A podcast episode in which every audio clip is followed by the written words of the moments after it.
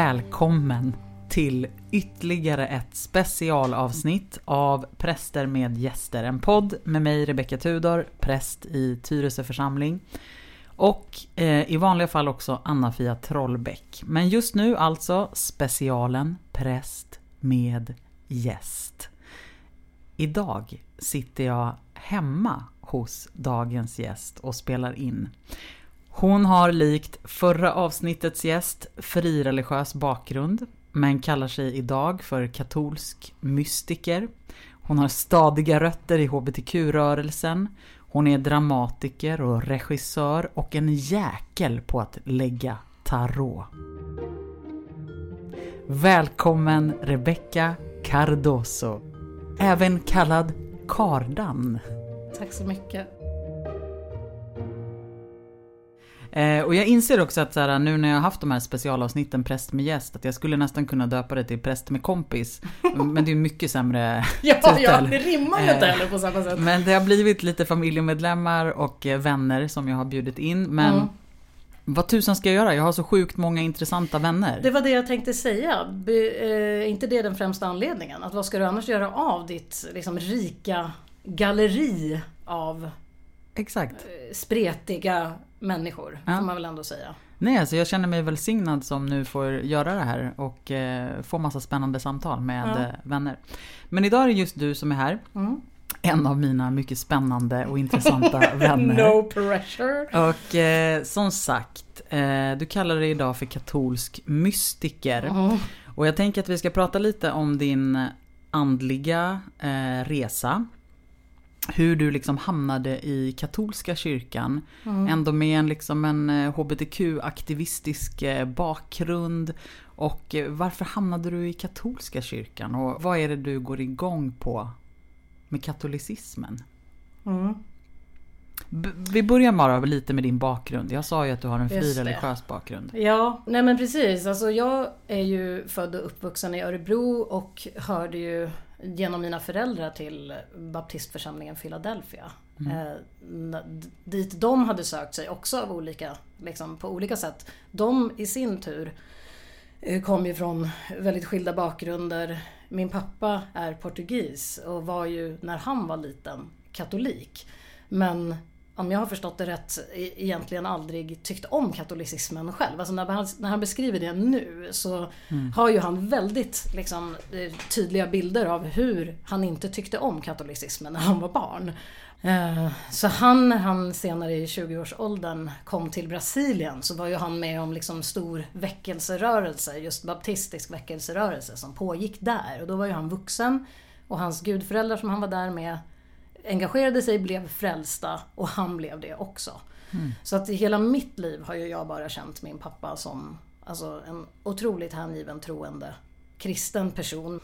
Eh, och mamma kom, eh, hon är ju smålänning och kom via egentligen min mormor blev väldigt religiös i samband med att hon förlorade ett barn. Eh, Innan min mamma föddes så förlorade min mormor en son och från att ha varit, tänker jag, normal religiös som igen 1940-tal, många var i Sverige, så blev hon eh, frälst. Eh, I alla fall liksom sökte sig väldigt mycket till Gud. Hade starka religiösa upplevelser i förhållande till sin, sitt förlorade barn. Och, sådär. och så föddes min mamma eh, på årsdagen efter eh, den, den här då, storebrodern dog. Eh, vilket ju också var mycket så, liksom någon slags tecken nästan, eller liksom nästan, hon kallades alltid löftesbarnet för att mormor hade av Gud blivit lovad ett nytt barn. Så att, och allt det här som du märker, det här utspelade sig långt innan jag ens föddes. Mm men de, det var väl därför det var naturligt för de båda när de så småningom flyttade till Örebro att då söka sig till en baptistisk församling som i Philadelphia var. Och därför så växte jag Så konstigt för Philadelphia, då tänker jag bara på pingst.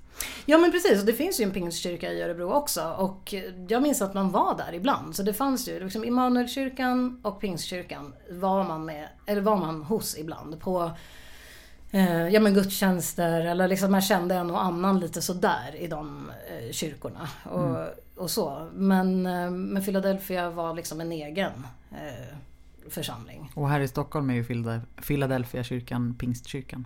Ah. Okay. Ja. ja men jag har ju egentligen ganska dålig koll på så att säga den frikyrkliga världen rent så. Jag, jag, jag har ju egentligen mest koll på hur det var där då liksom mm. 80 och tidigt 90-tal egentligen. I, men ni var aktiva i, Absolut. i den här baptistförsamlingen? Ja, ja men vi var aktiva och jag har väl i och för sig alltid hela tiden haft känslan att så här, typ mina föräldrar hade lika gärna kunnat vara med någon annanstans. Alltså om jag jämförde med andra familjer i den församlingen som var kanske mer så här hela familjen bad eller liksom hela familjen eh, var synliga i församlingen som en, alltså med den här kanske lite traditionella familje, liksom. Mm. Det har jag inget minne av att vi var alls. Eller var, var ingen framträdande familj. Vi var alltid lite weird. Min pappa var den här, liksom det är så intressant, det är så roligt att tänka på nu, men han var ju den här outsidern. Mm. Liksom, som ju fortfarande en, en liksom man från Portugal kunde vara på 80-talet. Mm. Liksom. Då var man ju invandraren. Liksom. Men vi var ändå med där och ja absolut, vi gick ju till kyrkan regelbundet. Jag gick ju i söndagsskolan, jag fick ju med mig de här liksom, bibelberättelserna och även sen i tonåren en sån här typ motsvarande konfirmation fast liksom kristendomsläsning kallade man det. Så var du en, eh, ett troende barn eller en troende ungdom? Eller var det mer sammanhanget, gemenskapen som Alltså det märkliga är att det var inte riktigt sammanhanget och gemenskapen heller. Det var nog... För jag minns inte att jag var supertroende. Det var nog mer vanan och, och liksom ändå att det var det vi gjorde. Man hade Gud i sitt liv på något sätt.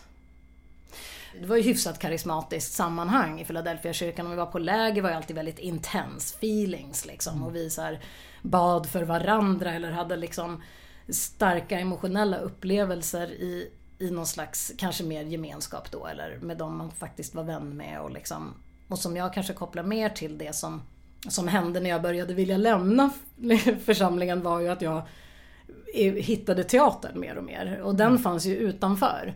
Och den stod ju för det här som var liksom, som jag kände jag inte fick i församlingen, det vill säga riktiga samtal.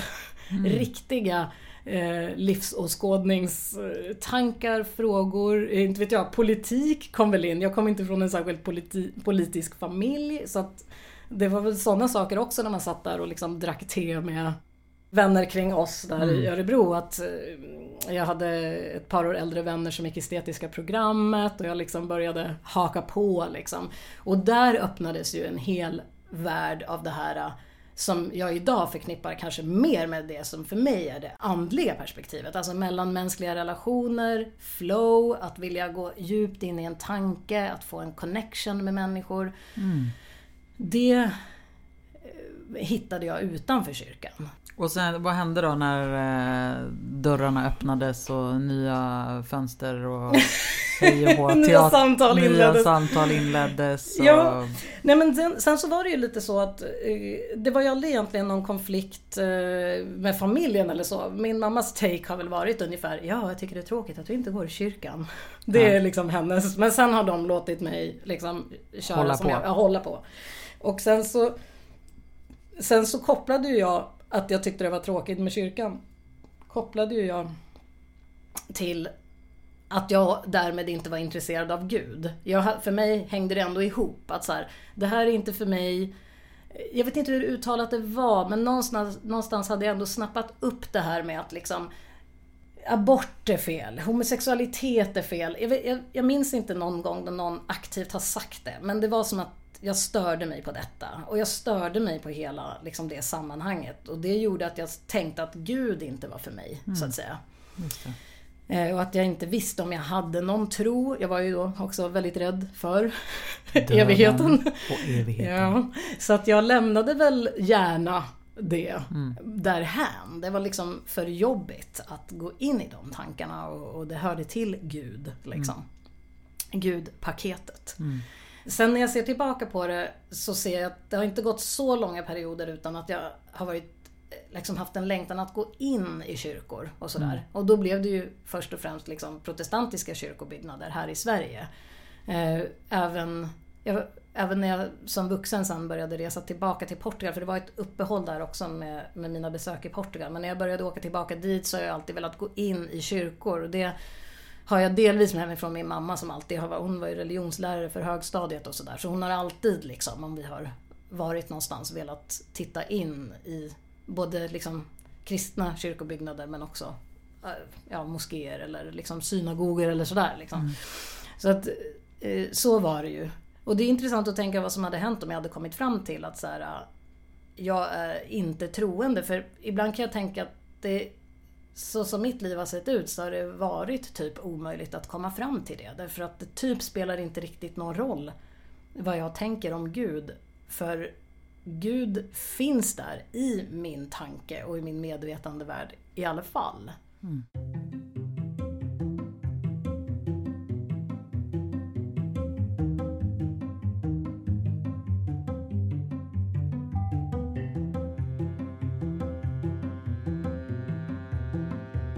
Alltså jag kan känna ett enormt eh, systerskap med dig. Mm. Eh, och känna att eh, jag vet inte, det är någonting så här, eh, jag upplever att vi har, att det är mycket som är så här eh, likt. Mm, eh, mm. Faktiskt både i så bakgrund, även om vi har helt olika bakgrunder.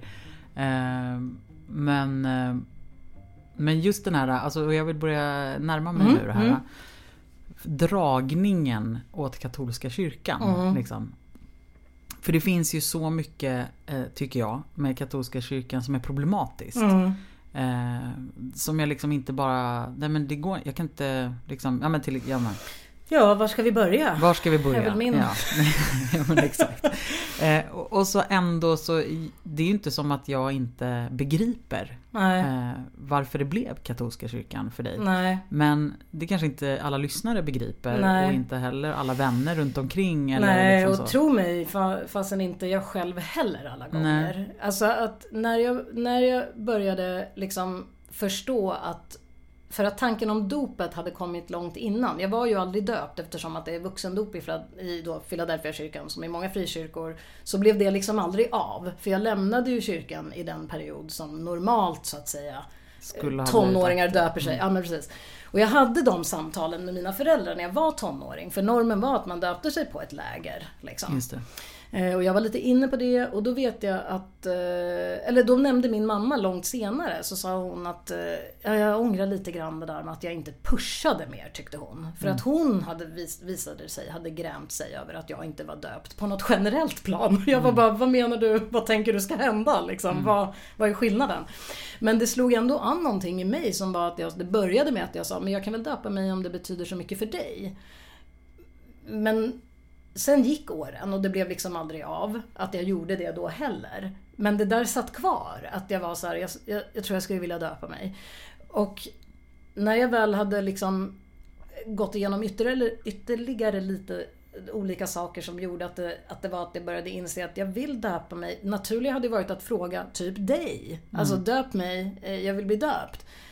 Men när jag började förstå att så här, fast jag tror att det betyder något för mig också med vilken församling, dels det, men också mm. vilken eh, vilken mässordning och hur, hur det här ser ut. Då var det som att jag... den liksom så här... Aha, liksom insikten bara, åh nej, jag kommer behöva komma ut. Liksom. Mm. Det, jag använder det begreppet därför att det var mycket svårare för mig än när jag liksom så här, jag blev förälskad i en tjej som jag inledde en relation med. Det var aldrig något problem för jag var liksom hade inget motstånd eh, från runt omkring. Jag, jag liksom behövde inte gå igenom en komma ut-process för det var liksom inget att diskutera. Liksom.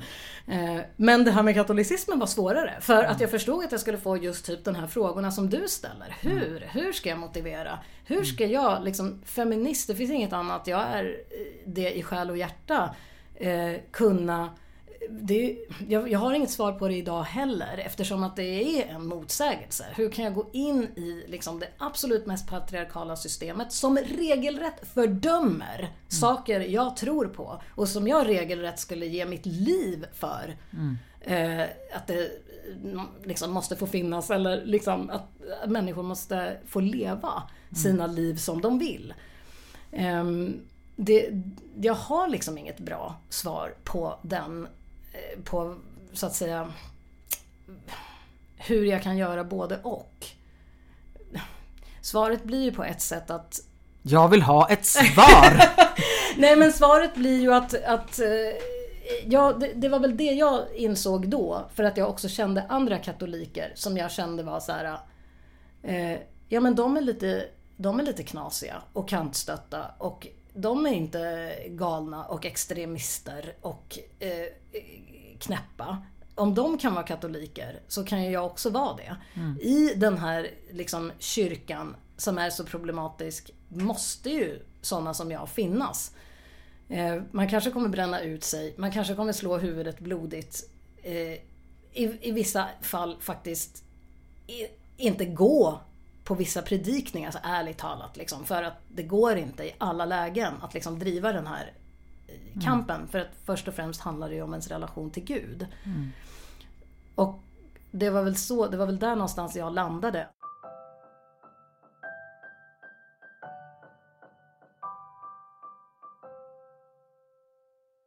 Men för jag tänker att så här, eh, nej men för jag funderar på, jag hade ju ett samtal eh, för ganska många avsnitt sen nu men med Ester Keisen, mm, även kallad mm. feministpastorn.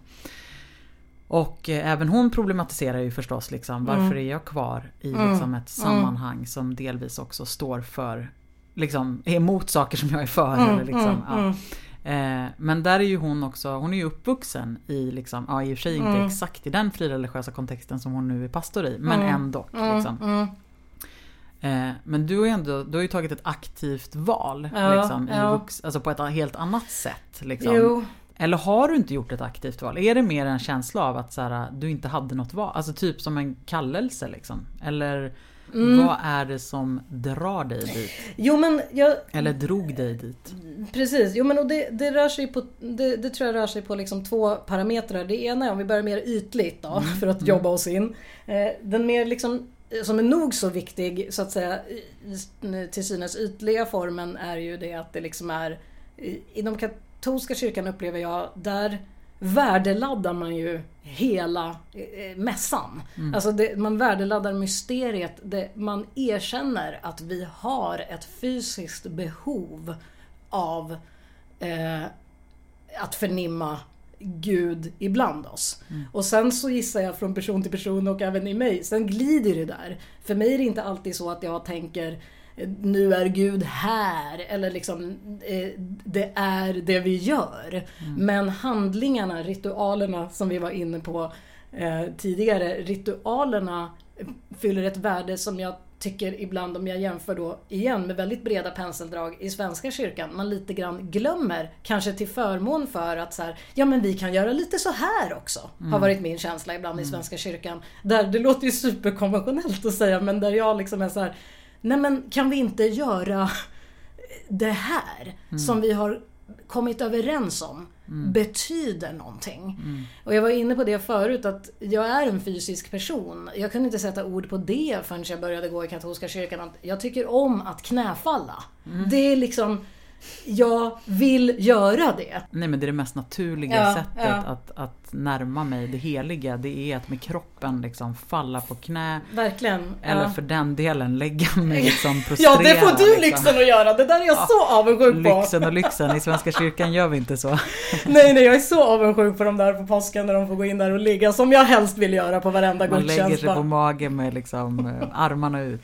Ja. Ja, ja, prästen då mm, förstås. Mm, mm. Endast manlig, obs i katolska kyrkan. Mm. Nej, nej men precis och det tror jag också, ja, men, det, det, är väl det, nu för att hoppa lite här, men det är väl också kanske hur jag till slut har löst också all den här komplexiteten. att eh, Det finns ingen annan auktoritet över mig i grund och botten i mitt liv än Gud. Påven då? Nope.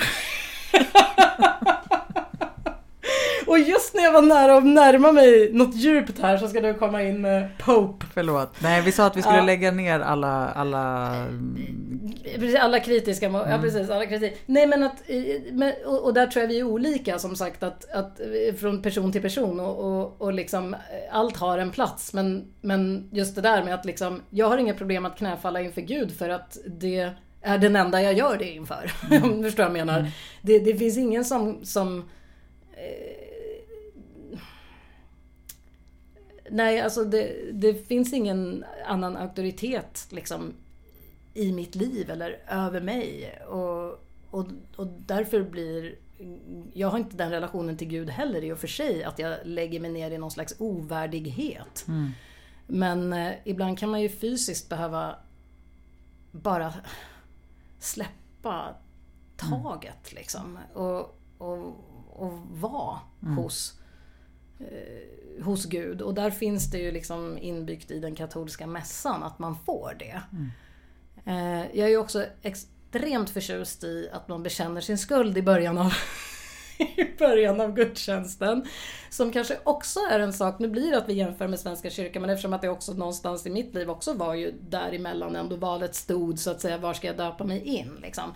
Men som jag väl också kan känna att jag har saknat, i, i alla fall i de sammanhang som jag har sett att Ibland kan jag uppleva att Svenska kyrkan väjer för liksom mörkret. Väjer för, eh, är det så farligt att man känner och erkänner en skuld. Där är ju Gud i allra högsta grad med oss när vi håller upp den här spegeln i själens innersta. Mm. Och nu menar inte jag att det nödvändigtvis händer i början av varje mässa bara för att man säger jag bekänner min skuld, min Mea skuld, culpa, min egen stora culpa. skuld. Men det finns ett utrymme för det. Hey girl. Jag ska försvara. Ja, ja absolut. nej men, eh, nej, men jag, den är ju mer, mycket mer tydlig i katolska mässordningen. Men den eh, finns ju i allra högsta grad i, i, även när vi firar mässa. Vi Ja. inleder ju gudstjänsten med ja. Mm. syndabekännelse. Ja, just det. Mm. Vilket i och för sig ibland har bytts ut till en bön eh, som heter överlåtelsebön. Just det. Och den är något eh, mildare. Eller vad Ja. man ska säga. Men där och har du det igen, Ja, ja. Nej, där har jag det. Mm, där har jag det. Där har nej nej men och- Nej men det är sant. igen, Nej, igen, men- för du var ju inne på det själv. Alltså jag menar, det, jag, jag menar, det är ju det som är den stora sorgen för mig, att vara med i en världskyrka som inte tar ställning. Alltså det är ju den stora smärtan. Eh, och och jag hade, det gick flera år efter att jag hade döpt mig innan jag ens kunde liksom säga upp mitt medlemskap i Svenska kyrkan. Så jag betalade ju två skatter där i, i några år. För att jag kände, vem annars ska gå med en regnbågsflagga i paraden? Eh, my guys ain't gonna do that. Där är det typ upp till mig att säga liksom, men, ursäkta, men eh, så fort jag kommer åt. Och jag är ju inte överallt. Eh, och typ ärligt talat orkar väl inte varenda gång heller och hela den grejen liksom. Eh, många, vi har ju alla fördomar om allt möjligt men precis på samma sätt som du refererar till din barndom och din uppväxt så kan du egentligen inte minnas att någon stod och predikade homofobi Nej. men ändå så visste du att så här, det finns liksom. Mm, Det, det finns rätt och fel. Mm. Och jag kan ana att det inte är jätteofta du kanske går i din församling och hör en präst predika allt det här som är motståndet eller det som du är för och katolska kyrkan i något stort liksom är emot. Nej. Men däremot så vet du att Att det finns Det det, finns där, absolut. liksom. Ja, ja. Mm. Jo men så var det ju när jag liksom, jag är ju också väldigt specifikt med i liksom min församling, Sankta Eugenia, som Mm. ligger här i Stockholm vid Kungsträdgården, som är hyfsat liberal. Mm. När jag, mitt första möte med dem var ju, det är liksom en grupp eh, många tyska jesuiter eh, som också hade, det, mitt första möte med deras predikningar var ju väldigt liksom kontemplatoriska många gånger. De liksom lyfter en bild Eh, man pratar kring, man, liksom, de, man känner det här, det, man känner att det finns eh, en liksom, kunskap om mer än bibelböckerna. Dels en djup kunskap om dem naturligtvis, men också liksom filosofi och eh, frågor, typ mytologi. Alltså, det, det, de predikningarna tyckte jag var eh, liksom relevanta och, och typ hade ett djup mycket. Eh, mm och, och har fortfarande i stor utsträckning. Så självklart, jag, jag hade väl kanske också sprungit därifrån fortare om det var de här mer extrema predikningarna varje gång.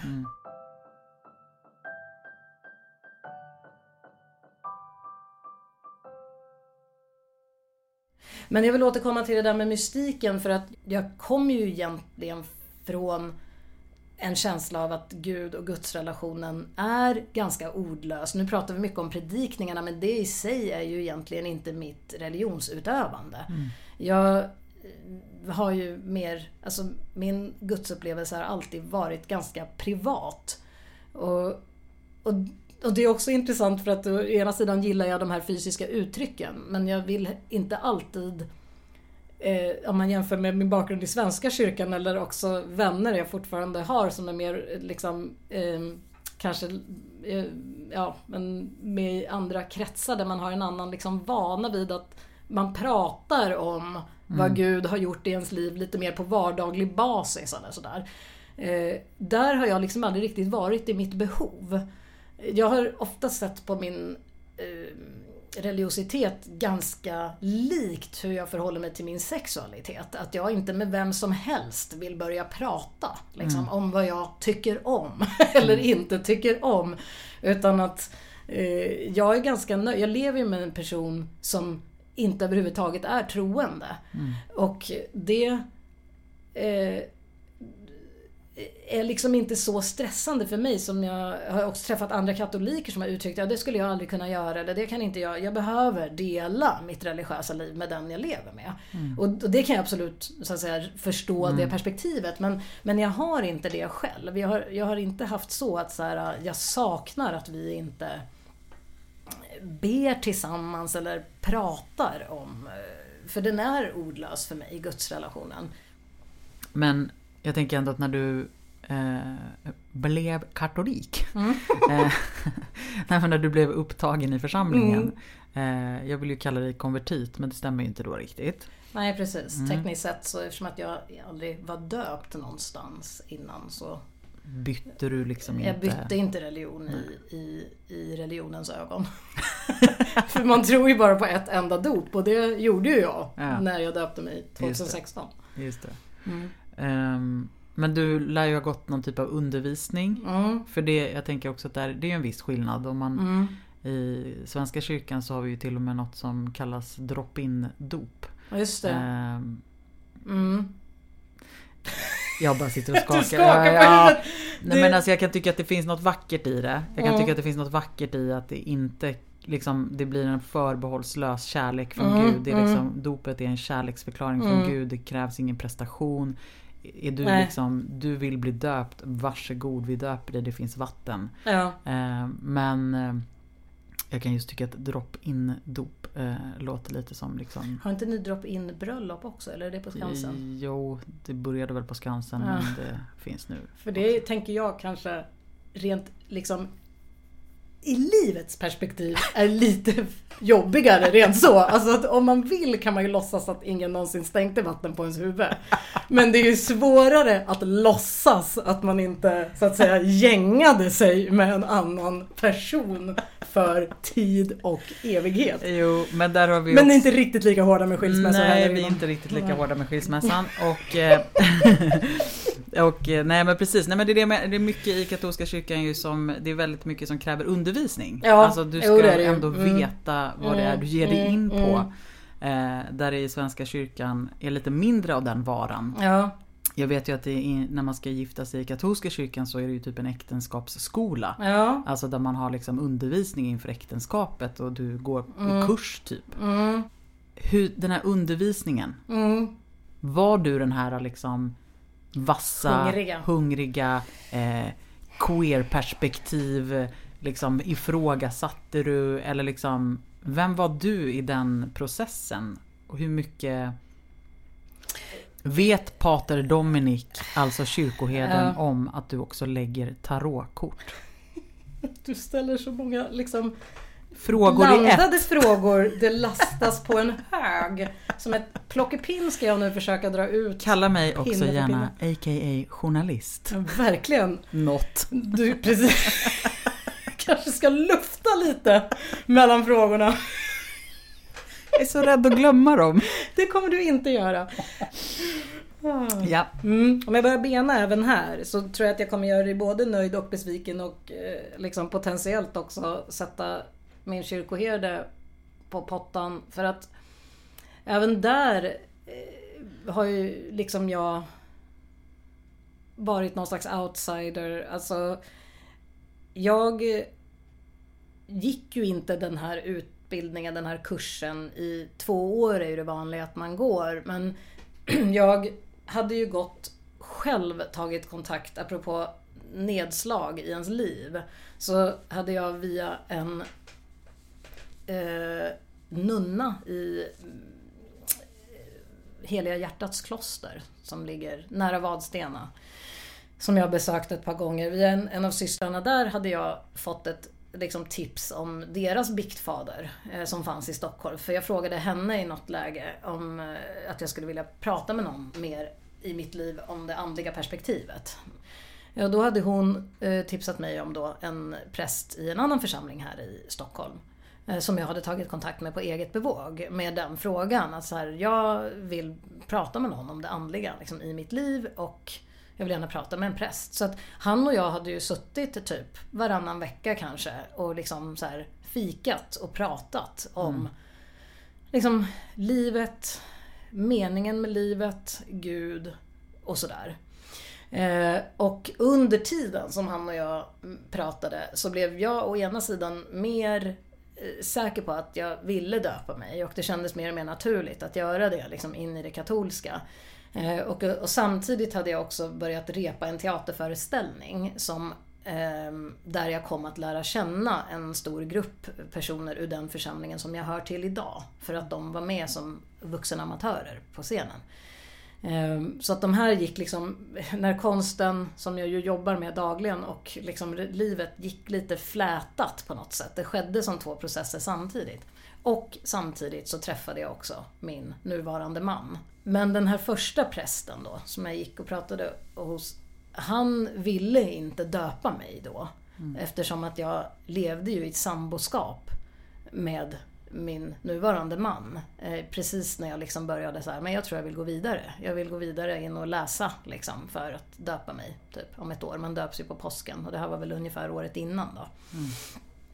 Mm. Eh, och när jag berättade det för mina de här vännerna som det hade hunnit bli som var med i teaterföreställningen. Då var det någon av dem som bara You need to get a second opinion. liksom. Men hör av dig till och då Fader Dominic. Mm. Han tror jag inte kommer svara samma sak. Mm. Och då hade jag ju aldrig träffat honom utan samma mejlade och sa som det var. Hej, jag har gått och pratat med den här prästen i ett år nu. Jag tror jag vill gå vidare med mitt dop men jag lever tillsammans med en person som jag inte är gift med.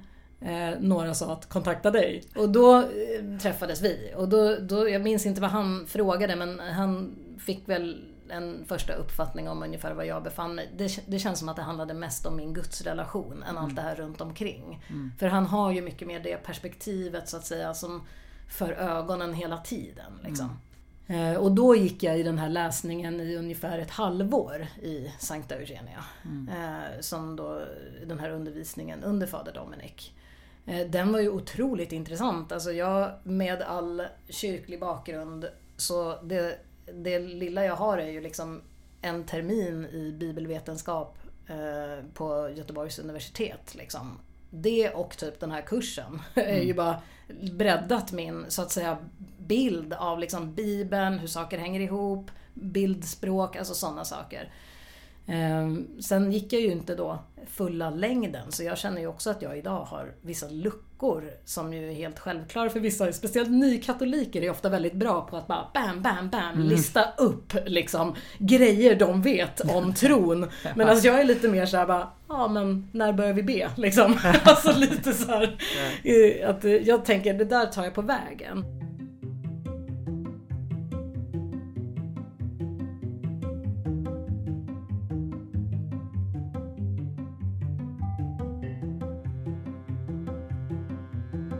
Jag tror också för, för mig så är det också att det blir också katolska kyrkan och varför det finns ett, eh, för man upplever det här som vi pratar om, ett, ett liksom visst svängrum i hur man kan bete sig. I, här i Sverige idag, tror jag, och i Stockholm då som ju jag hör till, så tror jag att det också är en jätte, eller så är det en jätteviktig ehm, eh, faktor att det också är en slags multikulturell värld mm. i Sankta Eugenia som jag är med i. Eh, Sverige är ju jättemycket, alltså det katolska Sverige är ju inslag från andra länder. Och det tror jag är svårt att jämföra Svenska kyrkan som mer går i generationer infödda om man säger svenskar. Men alltså vi genomströmmas. Och det, dels har det för mig personligen alltid skapat en, det är nog därför jag har landat där också för att jag kommer ju från tvåspråk bakgrund. Var, varför jag ju ofta känner mig så här mer avslappnad om det är andra språk, andra sätt eller någon som sitter och tjafsar lite där borta eller liksom någon som och så, har, så är det ju väldigt mycket i just Sankta Eugenia i min erfarenhet att man också just har sådär. Det, någon sitter kvar i bänken för att den hade ont i ryggen. Någon föredrar att stå upp för att den hade finbyxorna och inte ville då vörda den på ett annat sätt. Självklart är normen att de flesta knäfaller. Men det är också inslag från andra liksom, latinamerikanska länder. Eh, Ja, det finns väl ganska karismatiska uttryck också. Det gör ju det också. Och, och jag tror att det skapar eh, Det skapar ju Ja, det är en rymd av frihet. Det är en rymd, liksom. precis. Mm. precis. Då, då, då kan jag ligga lite djupare ner på golvet om jag vill. För Mm. att det var okej. Det är ingen som kommer titta så där som du beskrev. Att bara, oj, hur gör hon? Mm. Eh, och det, det är en viktig aspekt tror jag också i det här varför det blev just katolicismen. För att jag känner igen någonting i den. eh, På, på, som handlar om mig som individ också. Av, jag känner igen mitt portugisiska arv i det även fast jag inte skolades in i katolska kyrkan som barn. Eh, du ska få några snabba Ja, innan eh, vi avslutar det hela. ja just det. Och eh, de lyder så här. Mm. Ja, vi börjar med eh, Jungfru Maria eller Jesus. Hallå, jag sa snabba. Ja, du sa snabba. Ja, Jag skulle, nog ändå, jag skulle nog ändå säga Jesus för det är ju honom Maria ber till i alla fall. Så Varför inte bara gå direkt på målet? Okej. Påven eller heliga Birgitta? Usch, heliga Birgitta. Any day of the week. Teatern eller kyrkan? Oh. Nej men det måste ändå bli kyrkan. Nattvard eller vinkväll med vänner? Alltså.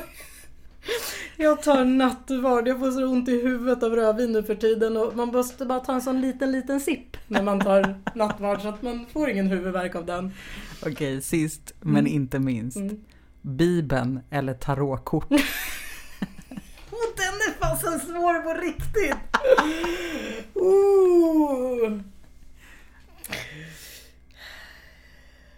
Alltså Bibeln har ju följt mig längre genom livet.